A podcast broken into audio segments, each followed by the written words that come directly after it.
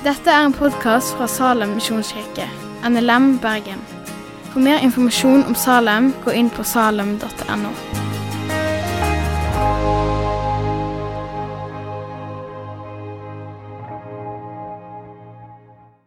Takk Gud for gaven som har kommet inn. Jeg ber Gud om at du må velsigne hver eneste krone, sånn at det kan nå langt. Jeg ber i ditt navn. Amen. Da skal vi lese dagens tekst, som er fra første brev til korinterne, kapittel 5. I det hele hørtes det om hor blant dere, og det er slikt hor som ikke engang nevnes blant hedningene, at en mann lever med sin fars hustru. Og dere er oppblåste, burde dere ikke heller sørge, slik at han som har gjort dette, kunne blitt støtt ut fra dere? Jeg som nok er fraværende med legeme, men til stede i ånden, jeg har allerede, som om jeg var hos dere, felt dommen over ham som har gjort dette. I vår Herre Jesu navn skal dere og min ånd samles i vår Herre Jesu kraft. For at han som har syndet, skal overgis til Satan, til skjødets ødeleggelse, for at hans ånd kan bli frelst på den Herre Jesu dag. Dette passer dårlig at dere roser dere. Vet dere ikke at en liten surdeig syrer hele deigen? Rens derfor ut den gamle surdeigen, så dere kan være ny deig, siden dere jo er usyret. For vårt påskelam er slaktet, Kristus. Så la oss holde høytid, ikke med gammel surdeig, ikke med ondskapens og lastens surdeig, men med renhets og sannhets usyrede brød. Jeg skrev i brevet til dere at dere ikke skulle ha samkvem med horkarer. Jeg mente ikke mennesker i denne verden som driver hor, eller som er pengegriske, røvere eller avgudsdyrkere.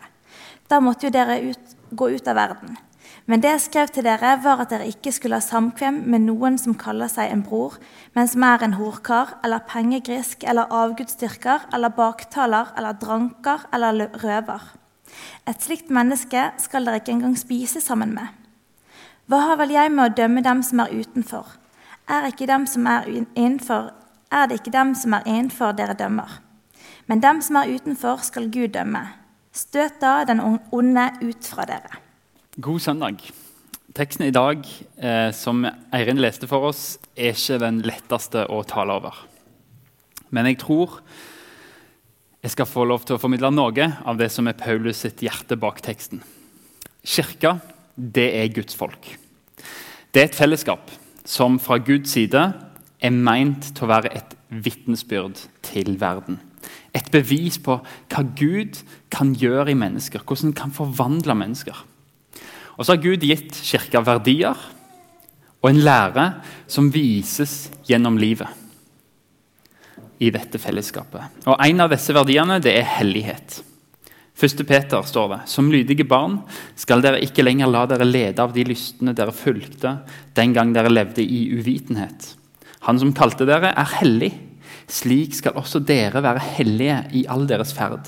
For det står skrevet, dere skal være hellige, for jeg er hellig.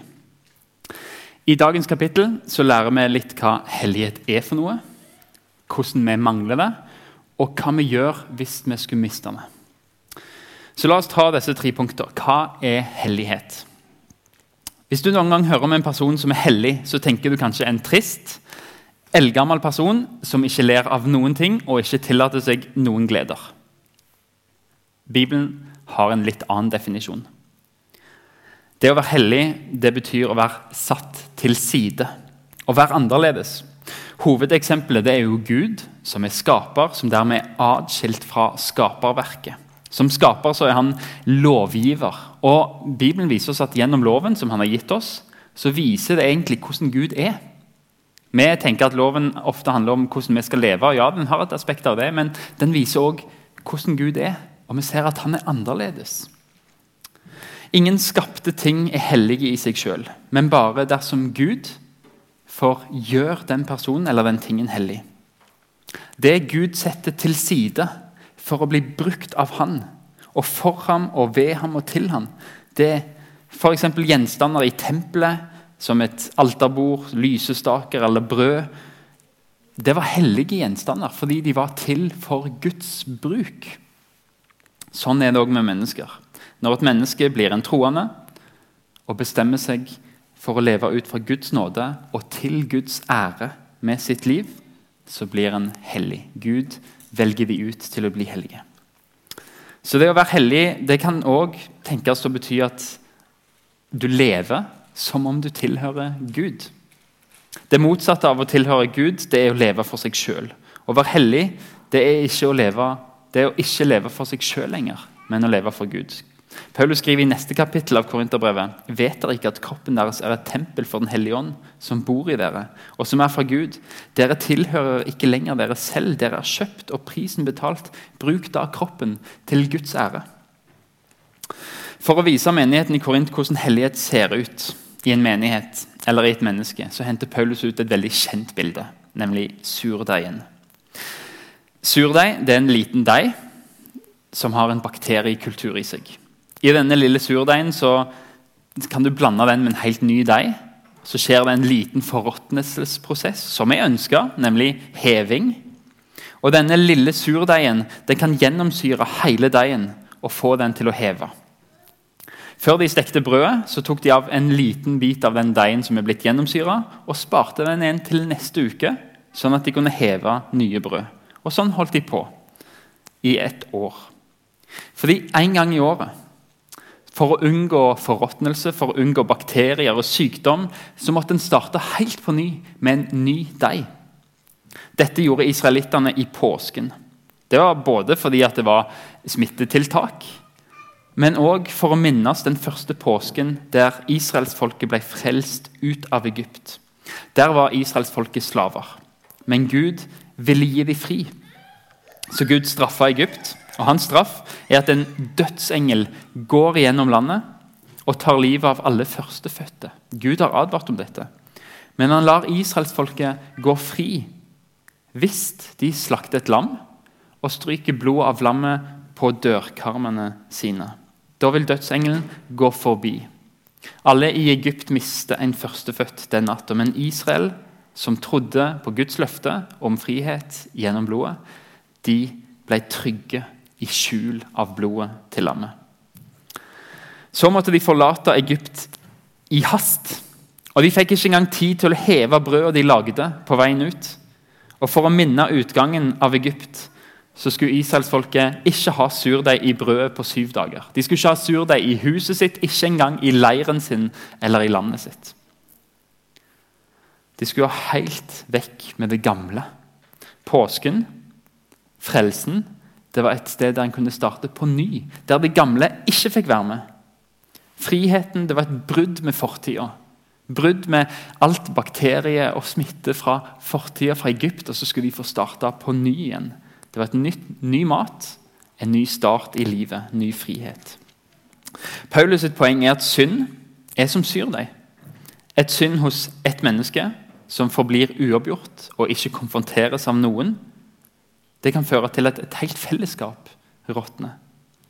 Det bærer med seg sykdom inn i fellesskapet og sprer seg. Så Paulus sier, 'Bli kvitt synden', sånn at det kan være et nytt folk.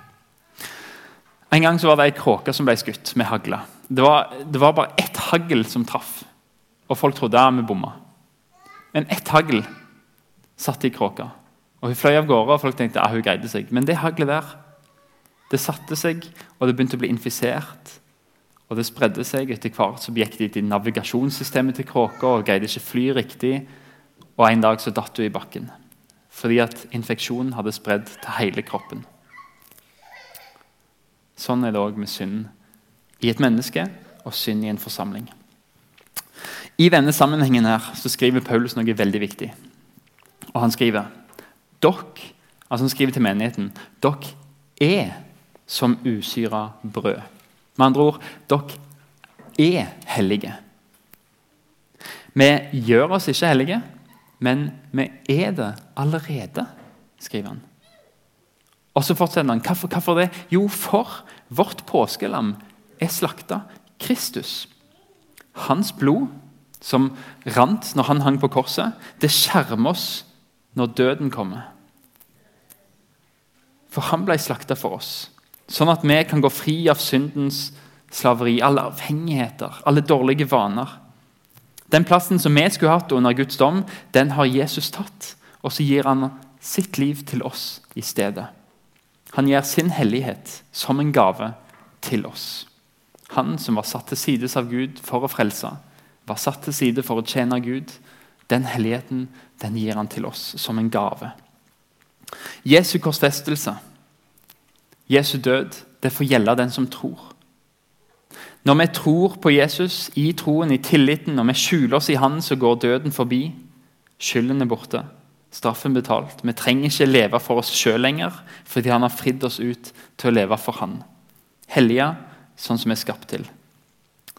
Du er hellig så langt du har tatt tillit og tilflukt i Jesu død. Det er ikke en hellighet du har oppnådd, det er hans verk som er gitt til deg. Han gir til deg som vil ta imot. Han gir en, et nytt liv, et definitivt brudd, der han sier at du skal være den gamle surdeigen for hver igjen. Jeg vil gi deg noe nytt. Herifra skal du få leve for meg, fri for alt det som har bundet deg før. Du er altså usyra brød i troen på Jesus. Det bildet. Det som var råttent i deg, det er tatt bort av Jesus. Dere er jo som usyra brød. Det er sannheten om de som er kristne. Så kommer implikasjonen av den sannheten. Rens ut surdeigen. Lev som om det er sant at du er hellig. Det du gjør, det skal strømme ut av hvem du er, og du er hellig når du tror. Påsken for israelsfolket det var at de ble fri, et fritt folk. De ble frelst fra slaveriet. De ble fri fra det som bandt de før. Og Derfor skulle de som et bilde legge igjen surdeigen i Egypt. Få ny mat. Og vi òg. Vi er frie fra det gamle livet. Og vi skal holde høytid. Paulus inviterer oss til hver dag hold høytid. Hver eneste dag. Fordi vi er ikke perfekte. Hver dag så skal vi få lov til å stå opp, eller når vi legger oss, si at det jeg gjorde, Gud, det ønsker jeg å forlate nå. Jeg ønsker å legge det igjen. Jeg, jeg, vil at Det skal ikke få gjennomsyre meg. Det jeg har gjort i dag, alt, det skal ikke få lov til å prege meg og få syre. Jeg ber om tilgivelse for det, og jeg vil leve for deg i morgen. Så får vi tilgivelse når vi bekjenner. Hver dag skal vi få lov til å gjøre det. Og hver dag så er svaret jeg er trofast når du bekjenner. Jeg tilgir deg å rense. Kristenlivet er en påskefestival der vi skal feire frihet fra fortida. Der vi skal feire med å rett og slett kvitte oss med det gamle og si vet du hva, vi lever i takknemlighet til Jesus. Sladder, skjul, sjalusi, sladder, sjalusi og baktalelse det er vi ferdig med. Men sannhet og inderlighet og renhet det vil vi trakte etter. Sånn feirer en kristenlivet. Sånn lever en kristenlivet fra dag til dag. Der vi kvitter oss med den gamle surdeigen og feirer det nye livet. Feirer den nye friheten, tilgivelsen og nåden. For Jesus døde ikke sånn at du kan fortsette å synde. Han vil at du skal leve et nytt liv. Han døde òg for å sette deg fri fra alle de dårlige vanene og for de feilene og for avhengighetene vi har. så skal vi få lov til å leve som om vi er hellige. Og tro på det og bli det vi allerede er. Rene og sanne. Vi skal leve som et folk som er annerledes, som er satt til side. Og vi skal få ta på oss familielikheten til Gud, vår far. Det er kallet til en kristen, kallet til en menighet. Problemet i Korint det var at de greide ikke å leve dette ut. De visste ikke hvordan ser dette ut i livet mitt. Hvordan lever jeg utskilt for Gud? De mangler hellighet. De får det ikke til å se ut som om de hellige. De lever ikke som om det er sant.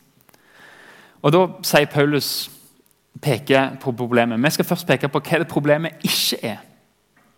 Fordi Problemet er ikke at de i menigheten Korint bruker tid sammen med folk som ikke er kristne.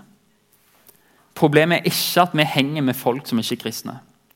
Vi er kalt til å være i Bergen som en menighet, men ikke nødvendigvis være som Bergen, men annerledes her.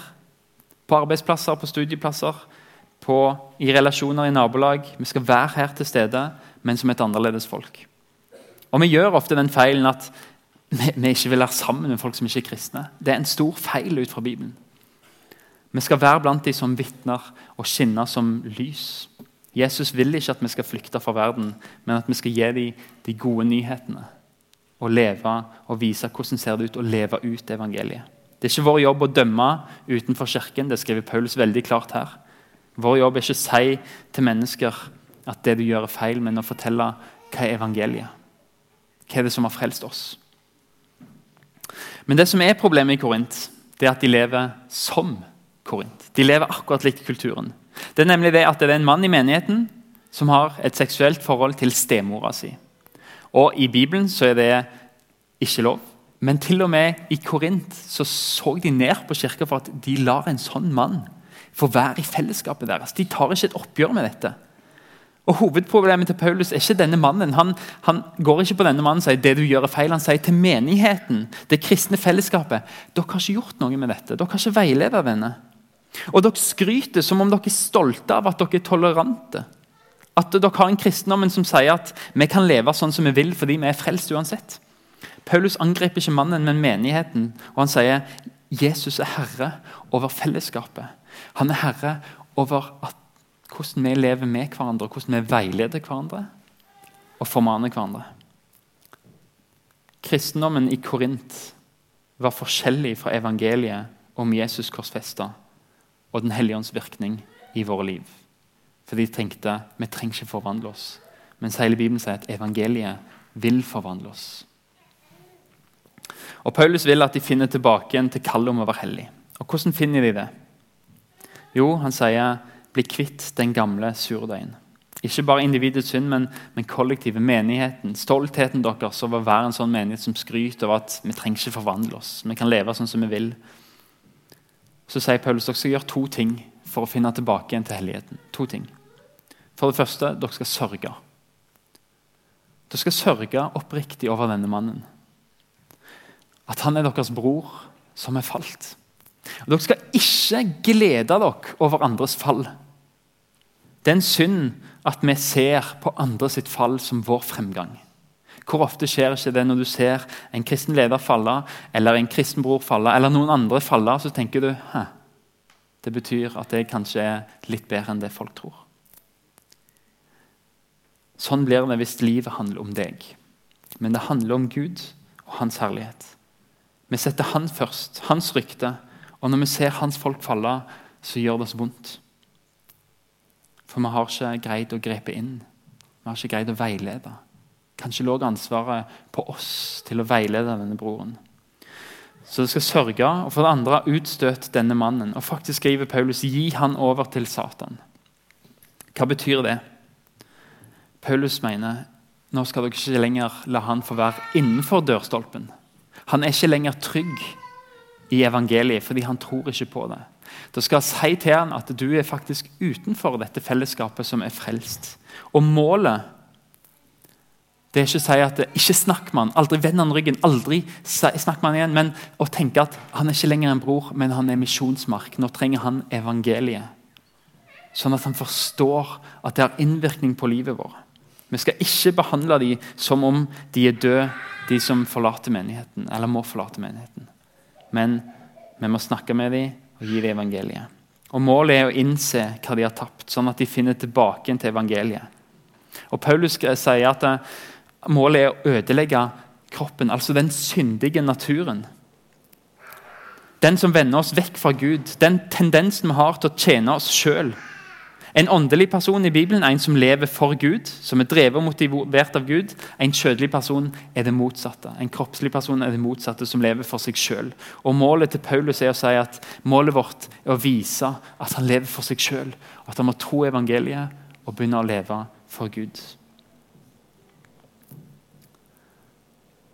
Paulus vil at menigheten skal bli kvitt en egosentrisk tilværelse vil at du skal rive bort den falske maska til denne mannen og bare si at du, er, du trenger å tro på evangeliet. Du trenger ikke være kristen bare i navnet. Kirkedisiplin det handler om å sørge og å lede noen til Jesus og si du trenger dette, du òg. En gang så var jeg på tur, en fjelltur på Kilimanjaro. Og Der hadde vi guider. og og eh, bærere og i det hele tatt profesjonelle folk som sa vi vet hvordan det ser ut når et person er altfor syk til å komme på toppen. Da sier vi stopp, du får ikke gå lenger. Men med aller, aller fleste tilfeller så er det folk som er slitne, som ikke kommer på toppen. De gir opp. Og Vår jobb er å få dere på toppen. Så når du setter deg ned, så ser jeg på deg, jeg ser i øynene dine, jeg hører på pusten din at du er frisk. Da kommer jeg til å dra deg i kragen, løfte deg opp og si du blir med meg til toppen. Ok, tenkte vi, vi gikk. En kamerat av meg kom til kraterkanten, nesten til toppen. og Så satte han seg ned så sa han, jeg orker ikke mer. Jeg, jeg bryr meg ikke. Jeg er altfor sliten til å bry meg. Nå bare går dere. Jeg går ned herifra. Jeg orker, det, jeg orker ikke gå den lille kilometeren en gang til toppen. Da var det en av guidene som tok tak i han, og som reiste han opp. Så sa han, 'Du kommer med meg'. Fordi han visste at drømmen hans var å komme på toppen av Afrikas høyeste fjell. Og så var han streng mann, men han gjorde det fordi han visste at det er dette han vil. Det er dette er målet. Han visste målet og var streng og var egentlig litt slem. Han sier du kommer med meg. Du er ikke sjuk, du er bare sliten. Skjerp deg, bli med. Vi som kristne bør òg tenke at vi har en større lidenskap enn vår egen vilje. Vi har en lidenskap, nemlig å ligne på Jesus og være som han. Vi har en lidenskap å komme til himmelen. Det er målet vårt. Vi er et fellesskap med det målet. Og i kjærlighet så må vi ta i bruk de verktøyene vi har for å hjelpe hverandre dit. Og Noen ganger så er det en vanskelig prat med en du er glad i, for å veilede. Av og til er det å utestenge. Det fins en hel plan for dette i Matteus 18. Å utestenge er det siste, siste steget. Studer gjerne Matteus 18. Men Bibelen er ærlig på dette.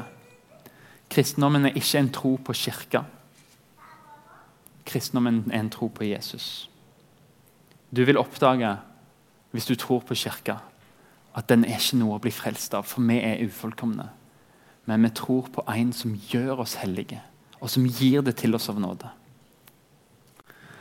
Paulus, den fremste apostelen av alle, skriver Jeg tror ikke om meg selv at jeg har grepet det. Men én ting gjør jeg. Jeg glemmer det som ligger bak. Og strekker meg etter det som ligger foran, og jager fram mot målet, mot den seiersprisen som Gud fra det høye har kalt oss til i Kristus Jesus. La oss tenke slik, alle vi som har nådd fram til modenhet. Og Så skrev han litt senere at vi har vår borgerrett i himmelen. Og sånn skal vi òg tenke. Vi har vår borgerrett i himmelen. Du er en himmelborger når du tror på Jesus. Det vil si at du skal snakke himmelsk. Det er din kultur. Oppføre deg himmelsk og ha himmelen som mål. Og De gangene vi ikke greier det, så skal vi få lov til å hjelpe hverandre å se, ha blikket festet på Jesus, han som er i himmelen, og som har gitt oss vår seierskrans. Det du har der, det er ditt i troen. Nå skal vi ikke samarbeide om å se hvordan ser det ut i livet ditt. Og så er det òg nåde. Takk for at du har hørt på podkasten fra Salem, Bergen. I Salem vil vi vinne, bevare, utruste og sende, til Guds ære. Vi ønsker å se mennesker finne fellesskap, møte Jesus og bli disippelgjort her i Bergen og i resten av verden. Vil du vite mer om oss, gå inn på salem.no.